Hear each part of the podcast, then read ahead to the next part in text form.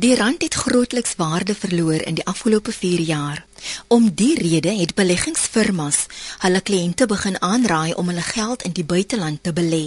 Om jou idee te gee, in 1972 het Suid-Afrikaners slegs 71 sent vir 'n dollar betaal. En hierdie tendens gaan eintlik baie langer terug. Dit gaan eintlik al terug na die 70s toe. En so sê Rike Snell, finansiële adviseur van Brenthurst Wealth Management in Tygervallei, Kaapstad. Ek is Olivia Sambo en jy's ingeskakel op Rand en Sent RSG 100 tot 104 FM. Baie welkom. In die verlede is Suid-Afrikaners grootliks ontmoedig om hulle geld in die buiteland te belê. Maar weens die geleenthede wat buitelandse markte bied, tesame met 'n rand wat al hoe meer verswak, het dit winsgewend geword. Rike sê vir werklike groei as jy in die buiteland belê, moet jy 'n langtermynsiening neem. Ek kan vir jou sê oor die laaste 5 jaar het die die S&P 500 basies dubbel die opbrengste meegebring as wat die plaaslike uh, Johannesburgse aandelemark gedoen het. Uh, ons moet onthou baie groot mate van dit is randverswakking. In Junie 2011 was dit R6.70 teenoor die Amerikaanse dollar en ons staan op die oomblik tussen R13.60 en R13.70. So jy kan sien daar was 'n wesenlike bydraende faktor in randdepresiasie. Wanneer 'n mens bietjie oor die langer termyn kyk, dan dink ek kan 'n mens steeds goeie opbrengste uit die plaaslike beurs uit identifiseer.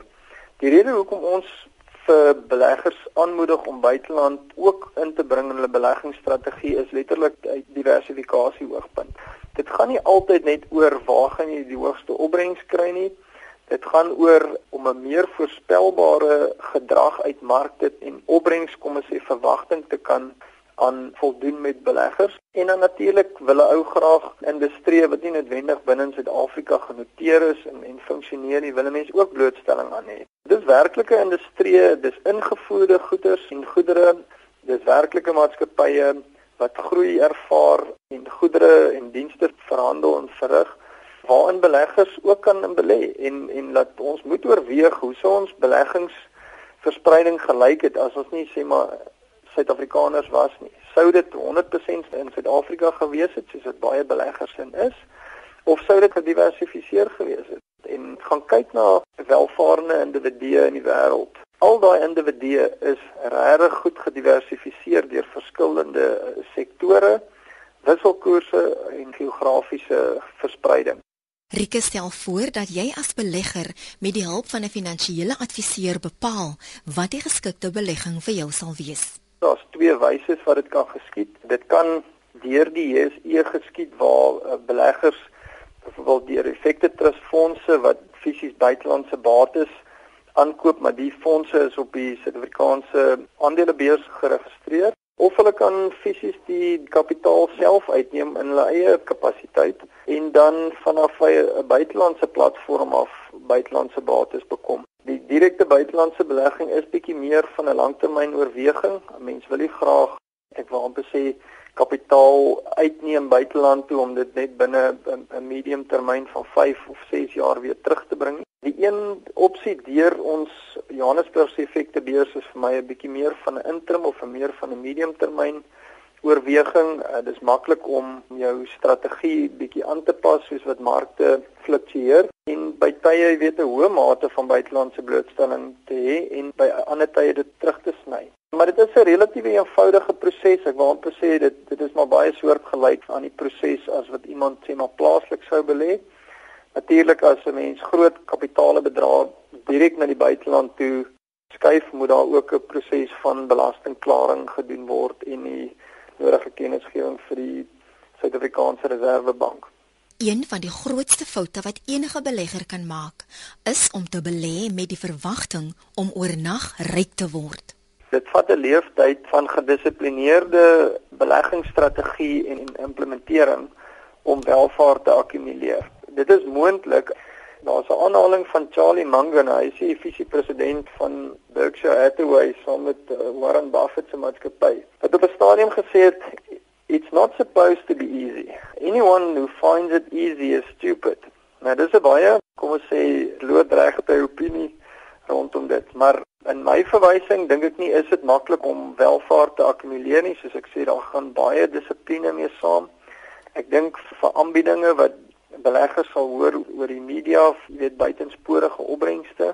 Iets moet vir beleggers sê hierdie klink te maklik en ons wil hulle aan aanraai om meer vrae te vra, om meer inligting te soek, maar om realisties te wees oor wat is byvoorbeeld die gemiddelde langtermyn opbrengs van 'n aandelebeurs. En aandele is tradisioneel of tipiese uh, risikobates, so dis nie 'n risikovrye instrument nie. Dit is 'n instrument wat 'n relatiewe hoë risiko profiel het. En te verstaan wat is die langtermyn gemiddeld, so as daar iemand is wat aanbieding maak van dubbel so tipe van opbrengs, om te verstaan maar hoe kry die persoon dit reg en net bietjie meer insig te hê rondom oor hoe werk die aanbieding en hoe volhoubaar is dit. Maar om werklik geld te maak in die markte, moet jou denke byna op 'n ander vlak wees. Howard Marks verwys na hierdie tipe denke as 'n tweede vlak denke. As jy bo-gemiddelde opbrengs soek, behoort jy te gaan soek na beter denke en en om anders te dink as wat die mark dink. Dis nie onmoontlik om die mark uit te presteer nie en daarom wil ek amper sê skaar ons as adviseurs met batebestuurders wat hulle self oor tyd geposisioneer en bewys het as bestuurders met 'n vermoë wat bo gemiddeld is. Maar ek dink wees realisties, dink langtermyn oor belegging, moenie spekuleer nie.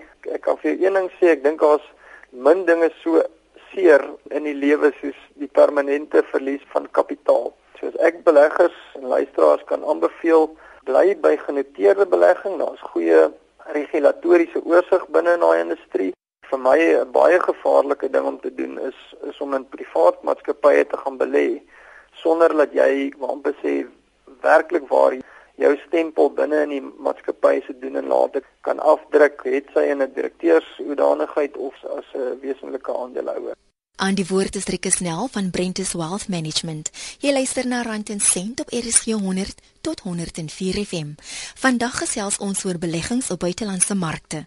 Vir enige kommentaar of vrae, stuur gerus 'n SMS na 34024 of stuur 'n e-pos na olivia.sambo@gmail.com. Een van die belangrikste en grootste beleggings wat jy ooit kan maak is in jou studies. Indien jy die regte beroep kies, kan jy die finansiële vrugte daarvan pluk, maar dis ook belangrik om bevrediging uit jou beroep te kry. Sekere beroepe bied jou ook die geleentheid om met 'n Suid-Afrikaanse kwalifikasie oor see te gaan werk. 'n Aktuaris bied al die geleenthede.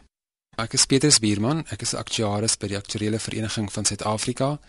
En ja, dankie vir die geleentheid om met RSG te kan praat oor die aktuariële beroep en aktuariële kwalifikasie. Dit word internasionaal erken. Ons het onderlinge erkenningsooreenkomste met 'n paar lande, soos met Engeland en met Australië en Ierland. En daar is ook baie ander lande wat ons tans mee gesels. Dit is definitief vir individue wat daarvan sal hou om oorsee te gaan. Daar is definitief geleenthede vir hulle daarvoor. Ek weet dit is 'n baie belangrike tyd vir graad 11 en 12 leerders om hulle beroepskeuses te maak en ook vir graad 9 leerders met hulle vakkeuses. En ek wil ambisieuse en talentvolle leerders aanmoedig om die aktuariële beroep te oorweeg. Dit is een van die mees gesogte en dinamiese beroepe ter wêreld. Een van die vereistes om 'n aktuaris te word, is om goeie punte in wiskunde te behaal. Maar Petrus verduidelik dat veel meer as net 'n uitstekende prestasie in die vak nodig is. Die wiskunde is baie belangrik vir aktuaris, maar ek dink studente moet net onthou dat dit gaan nie net oor of jy goed is met wiskunde of nie. Ek dink jy moet amper regtig hou van wiskunde. Ek dink dit is meer die analitiese sy van wiskunde wat belangrik is. Aktuaris word baie beskou as mense wat hou daarvan om probleme op te los. En ek dink dit is daai vaardigheid wat ek dink ook deurkom in wiskunde. Baie studente of leerders maak hulle keuses slegs gebaseer op hulle wiskunde en hulle wiskunde vaardigheid Maar ek dink daar's baie meer aan die beroep en dit moenie die enigste rede wees hoekom hulle besluit om aktuaris te word nie. Baie studente kry 'n A vir wiskunde in matriek en dan op universiteitsvlak kom hulle nie hulle wiskunde deur nie. En dit is ook nie die enigste eienskap of die enigste vaardigheid wat nodig is vir, vir aktuaris nie. Daar is baie meer wat van aktuaris verwag word en ek dink dit is wat baie studente baie keer mis. Studente moet nie net wiskunde doen omdat hulle verplig voel nie. As hulle regtig baie van wiskunde hou en dit uitdagend vind, dit is wat belangrik is. Dit is iemand wat hou van probleme oplos wat sal goed doen as aktuaris. Om suksesvol te wees as aktuaris, moet jy sekere eienskappe besit. Baie mense vra baie keer wat presies doen 'n aktuaris en dit is dis nie altyd so maklik om te antwoord nie. Maar 'n aktuaris is gewoonlik iemand wat daarvan hou om probleme op te los en wat baie analities kan wees. Ek dink ook met die wat die studies aanbetref, dit is 'n baie baie lang proses en 'n aktuaris het definitief baie deursettingsvermoë nodig. Ek dink dit is een van die vaardighede wat baie belangrik is weer eens want ek dink 'n aktuaris moet baie innoverend kan wees in baie gevalle. Hulle moet sê nou maar numeriese of statistiese modelle kan bou en ek dink baie van die probleme is van so aard dat dit daar's nie 'n unieke antwoord daarvoor nie. Mens moet kan dink aan verskeie moontlike opsies om dit te kan ontleed en te kan verstaan. Dit is definitief soos in enige ander beroep, mens moet altyd uit die boks kan dink en met nuwe voorstelle kan kom en met nuwe idees kan kom. En weer eens ek dink dit skakel goed met die die analitiese kant van van aktuariërs. Mens het baie keer baie inligting en jy analiseer dit en dan kom jy met 'n oplossing wat wat partykeer nie noodwendig die norm is nie. In 2004 het Ranti Motapo van Limpopo, die jongste swart lid van die Aktuariële Vereniging van Suid-Afrika, oftewel Assisa geword. Hy was 22 jaar oud. Hy het in 1998 100% vir hoëgraad wiskunde behaal in matriek.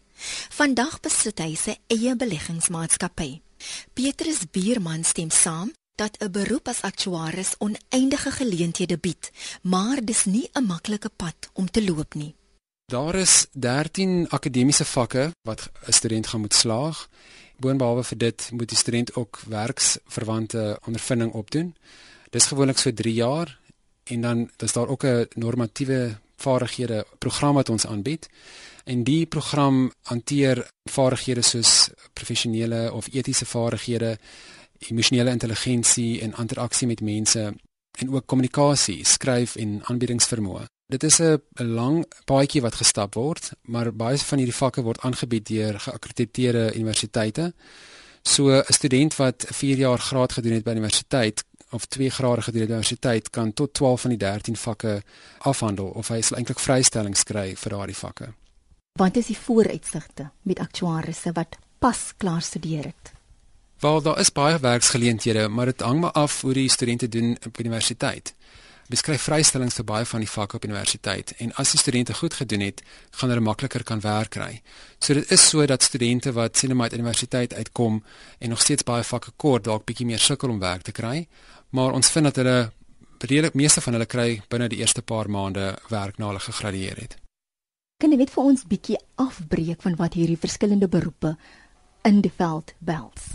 Vir lewensversekering en korttermynversekering is dit basies meeste van aktuaries begin in sê maar die produkontwikkelingveld of om reserves te bepaal en later beweeg hulle op dan sien maar bestuursposisies of leierskapsposisies.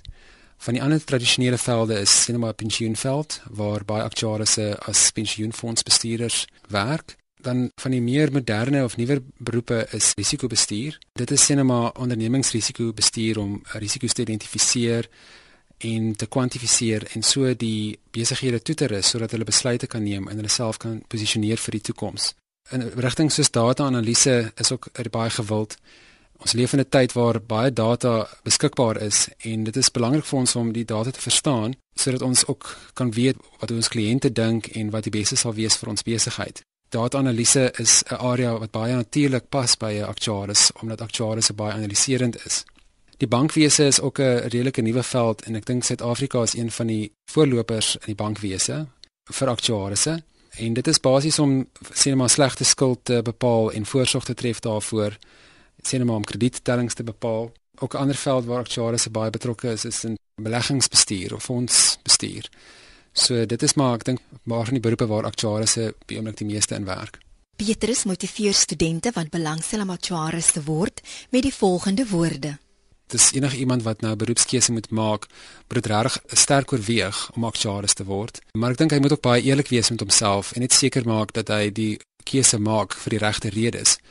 Dat hy besef wat hy gaan doen, wat die loopbaan behels, dat hy nie net moet fokus om sy kwalifikasie deur te kom en dan nie ehm um, weet presies waar hy gaan werk nie. En ek sal ook graag studente wil aanmoedig om met aktuaris te gaan gesels as hulle die geleentheid kry om bietjie meer inligting te kry en om seker te maak hulle is gemaklik met die keuses wat hulle maak. Dit was Petrus Bierman van Assisa, die aktuariële vereniging van Suid-Afrika. Jy luister na Rand en Sent op RSG 100 tot 104 FM. Politieke beleid het 'n baie groot impak op investering in enige land, want beleggers hou nie van onsekerheid nie. Rikus Nel van Brenthurst Wealth Management Sê hulle het die afgelope 12 maande 'n baie groot uitvloei van kapitaal by hulle kliënte gesien. Daar is verskeie mense en organisasies wat steeds in Suid-Afrika kom belê. Gelukkig wil ek amper sê kry ons tog publisiteit daarvan, maar ons moet ook onthou dat daar 'n hele verskeidenheid van organisasies is wat besluit het hulle gaan nie in Suid-Afrika belê nie. En beleid gaan nie net altyd oor iets soos die eienaarskap van kapitaal en hoe jy dit beskerm nie. Dit gaan ook oor byvoorbeeld infrastruktuur. Dit gaan oor elektrisiteitsvoorsiening, watervoorsiening, dit gaan oor arbeid. Dit gaan oor belasting. So ek wil amper vir jou sê sonder dat dit noodwendig die nodige kollig kry, is dit 'n massiewe invloed oor watse belegging jy toekomstig in Suid-Afrika gaan sien. Ek het nou uh, opgetel uit 'n verslag uit dat ons korporatiewe sektor se investeringsgroei op jaar tot jaar is letterlik 0,1%. Ek skryf dit direk toe aan politieke beleid en dat hierdie organisasies net baie skrikkerig is om kapitaal te allokeer in 'n omgewing wat hulle nie seker is vir hulle positiewe resultate gaan gee in die toekoms nie. Ek wil amper sê net die gedagte van die herverdeling van welvaart. Dis 'n baie groot uh, uitdaging vir iemand wat probeer kapitaal bou en kapitaal preserveer om binne 'n omgewing waar daar die herverdeling van kapitaal as oogmerk reg te kan funksioneer. So ek dink is 'n reuse invloed ook soos ek sê kapitaal wat uitgevloei het. Ek dink baie van die beleggers wat dit gedoen het tot hier is is absoluut uit uit emosionele kom ons sê oorweegrede ook dat hulle voel maar hier soveel onsekerhede hier. Hoekom kry ons nie 'n sekerheid in in terme van daai politieke beleid en gee vir die mense meer duidelikheid oor hoe dink die regering? Hoe gaan sekere bates van hulle beskerm word ensovoorts? Het miskien 'n laaste opmerking al oor is daar's tot gesprek om te sê maar daar kan dalk voorskriftelike bateallokasie plaasvind van beleggers in pensioenfonde en so. Nou weer eens, dit skep 'n baie groot mate van onsekerheid. Ek sien fisies kliënte wat vir my vra om om hulle bates te onttrek uit pensioenfondse uit as gevolg van dit. Wat is nodig in Suid-Afrika en kan dit gebeur om weer 'n stabiele ekonomie en uit veral 'n gesonde groeikoers weer te hê? Ek wil amper sê ons tamaletjie op die oomblik is tweeledig. Dit gaan gepaard met internasionale groei uitdagings So mense kyk na die westerse wêreld, dis nie asof hierdie ekonomie, jy weet, volstoom vorentoe groei nie. Ek dink almal van hulle sukkel om groei te bewerkstellig. En ek dink dis 'n resultaat van waar die wêreld was 5 of 7 jaar gelede in terme van verbruik, Ek dink aan die wyse hoe tegnologie byvoorbeeld jou werksmag besig is om te laat krimp. Dis 'n uitdagende omgewing om terwyl minder mense werk het om ekonomie te te laat aanhou groei. Ek, ek dink op 'n manier is 'n deel van die resultaat wat ons in Suid-Afrika sien is definitief vanuit 'n internasionale geleedere ook. Maar jou vraag oor hoe draai mense dit om? Een van die wat is die hoekstene behoort te wees, gaan oor ekonomiese en politieke beleid. Goed, so dit moet maklik wees vir organisasies om besigheid te kan doen. Dit moet 'n relatiewe tydlose tipe van oefening wees om aan al die regulatoriese vereistes te voldoen want so kan jy 'n ma maatskappy se ek wil amper sê se infrastruktuur relatief lig hou en natuurlik sy koste struktuur ons behoort baie meer mense in diens te neem. En as jy met meeste mense praat oor uh, wat hulle eie besighede het, dan is die antwoord oor hoekom hulle nie meer mense in diens neem nie, is regtig die rede hulle is te bang om mense in diens te neem want as dit nie uitwerk nie, kan hulle nie van die persoon ontslaa raak nie. En dit het ontsettende negatiewe koste implikasies. Ek het die ander dag van 'n boer gehoor wat iemand se werkskontrak nie uitgewerk het soos wat hulle dit vooruitgesien het. Nee, dit het hulle half miljoen rand gekos om te skik. Jy weet vir klein organisasies gaan dit al so rand en sent kontant vloei om in die lewe te te bly. Ek dink vir klein besighede is dit 'n baie uitdagende uh, omgewing in Suid-Afrika. Die mense moet uh, relatief maklik vir die maatskappye probeer maak om kop bo water te hou. So ek dink jy weet 'n goeie beginpunt sal wees is om te sê maar kom ons maak dit makliker vir besighede Tweedens, kom ons maak dit goedkoper. Ons sit met arbeidsverwagtinge dink ek wat geskep word wat werklik ek dink onrealisties is uit verskeie oorde uit en die rede vir daai buitensporige verwagtinge is baie uiteenlopend. Goed. So ek dink die regering het 'n baie definitiewe rol om te speel. die ekonomiese situasie kan verbeter soos wat die wêreld terugkeer na normaal toe. China het 'n wesenlike invloed wat hulle uitspeel as as tweede grootste ekonomie in die wêreld. Hulle was grootliks gesentreer rondom die neem van byvoorbeeld hulpbronne, omskepping daarvan, die uitvoer van produkte wat hulle daai daai hulpbronne uitgeskep het en ook die infrastruktuurspandering wat hulle gedoen het. So hulle invloed op byvoorbeeld die ontleikende wêreld is massief en almal wat hulle self in hierdie pool van ontleikende lande met weet hulpbron verskaffing as 'n groot gedeelte van hulle ekonomie bevind hulle tans in die moeilikheid. Net om terug te kom miskien net oor die omdraai strategie. Ek dink dit is belangrik om te sê al doen ons vandag presies die regte ding en dit gaan baie moeilik wees want ons het 'n baie uiteenlopende kom ons sê verwagting van verskeie gedeeltes van die samelewing in Suid-Afrika. Moet ons ook realisties wees om te sê maar hoe lank neem so jy weet omdraai plan realisties? En al doen ons die regte skuwe vandag, dan gaan dit steeds 'n hele paar jaar neem voordat die resultate begin deurkom. Maar my opinie is nie 'n keuse nie, ons moet in daai rigting begin beweeg. En so sê Rikke Snell van Brenthurst Wealth Management. Ek groet tot volgende Sondagmiddag om 5:00 hier op Brand en Sent RSG 100 tot 104 FM. Stuur gerus 'n SMS na 34024 of stuur 'n e-pos na olivia.sambo@gmail.com. Onthou jy kan die program aflaai in MP3 formaat by rsg.co.za. Totsiens van my Olivia Sambo tot volgende week.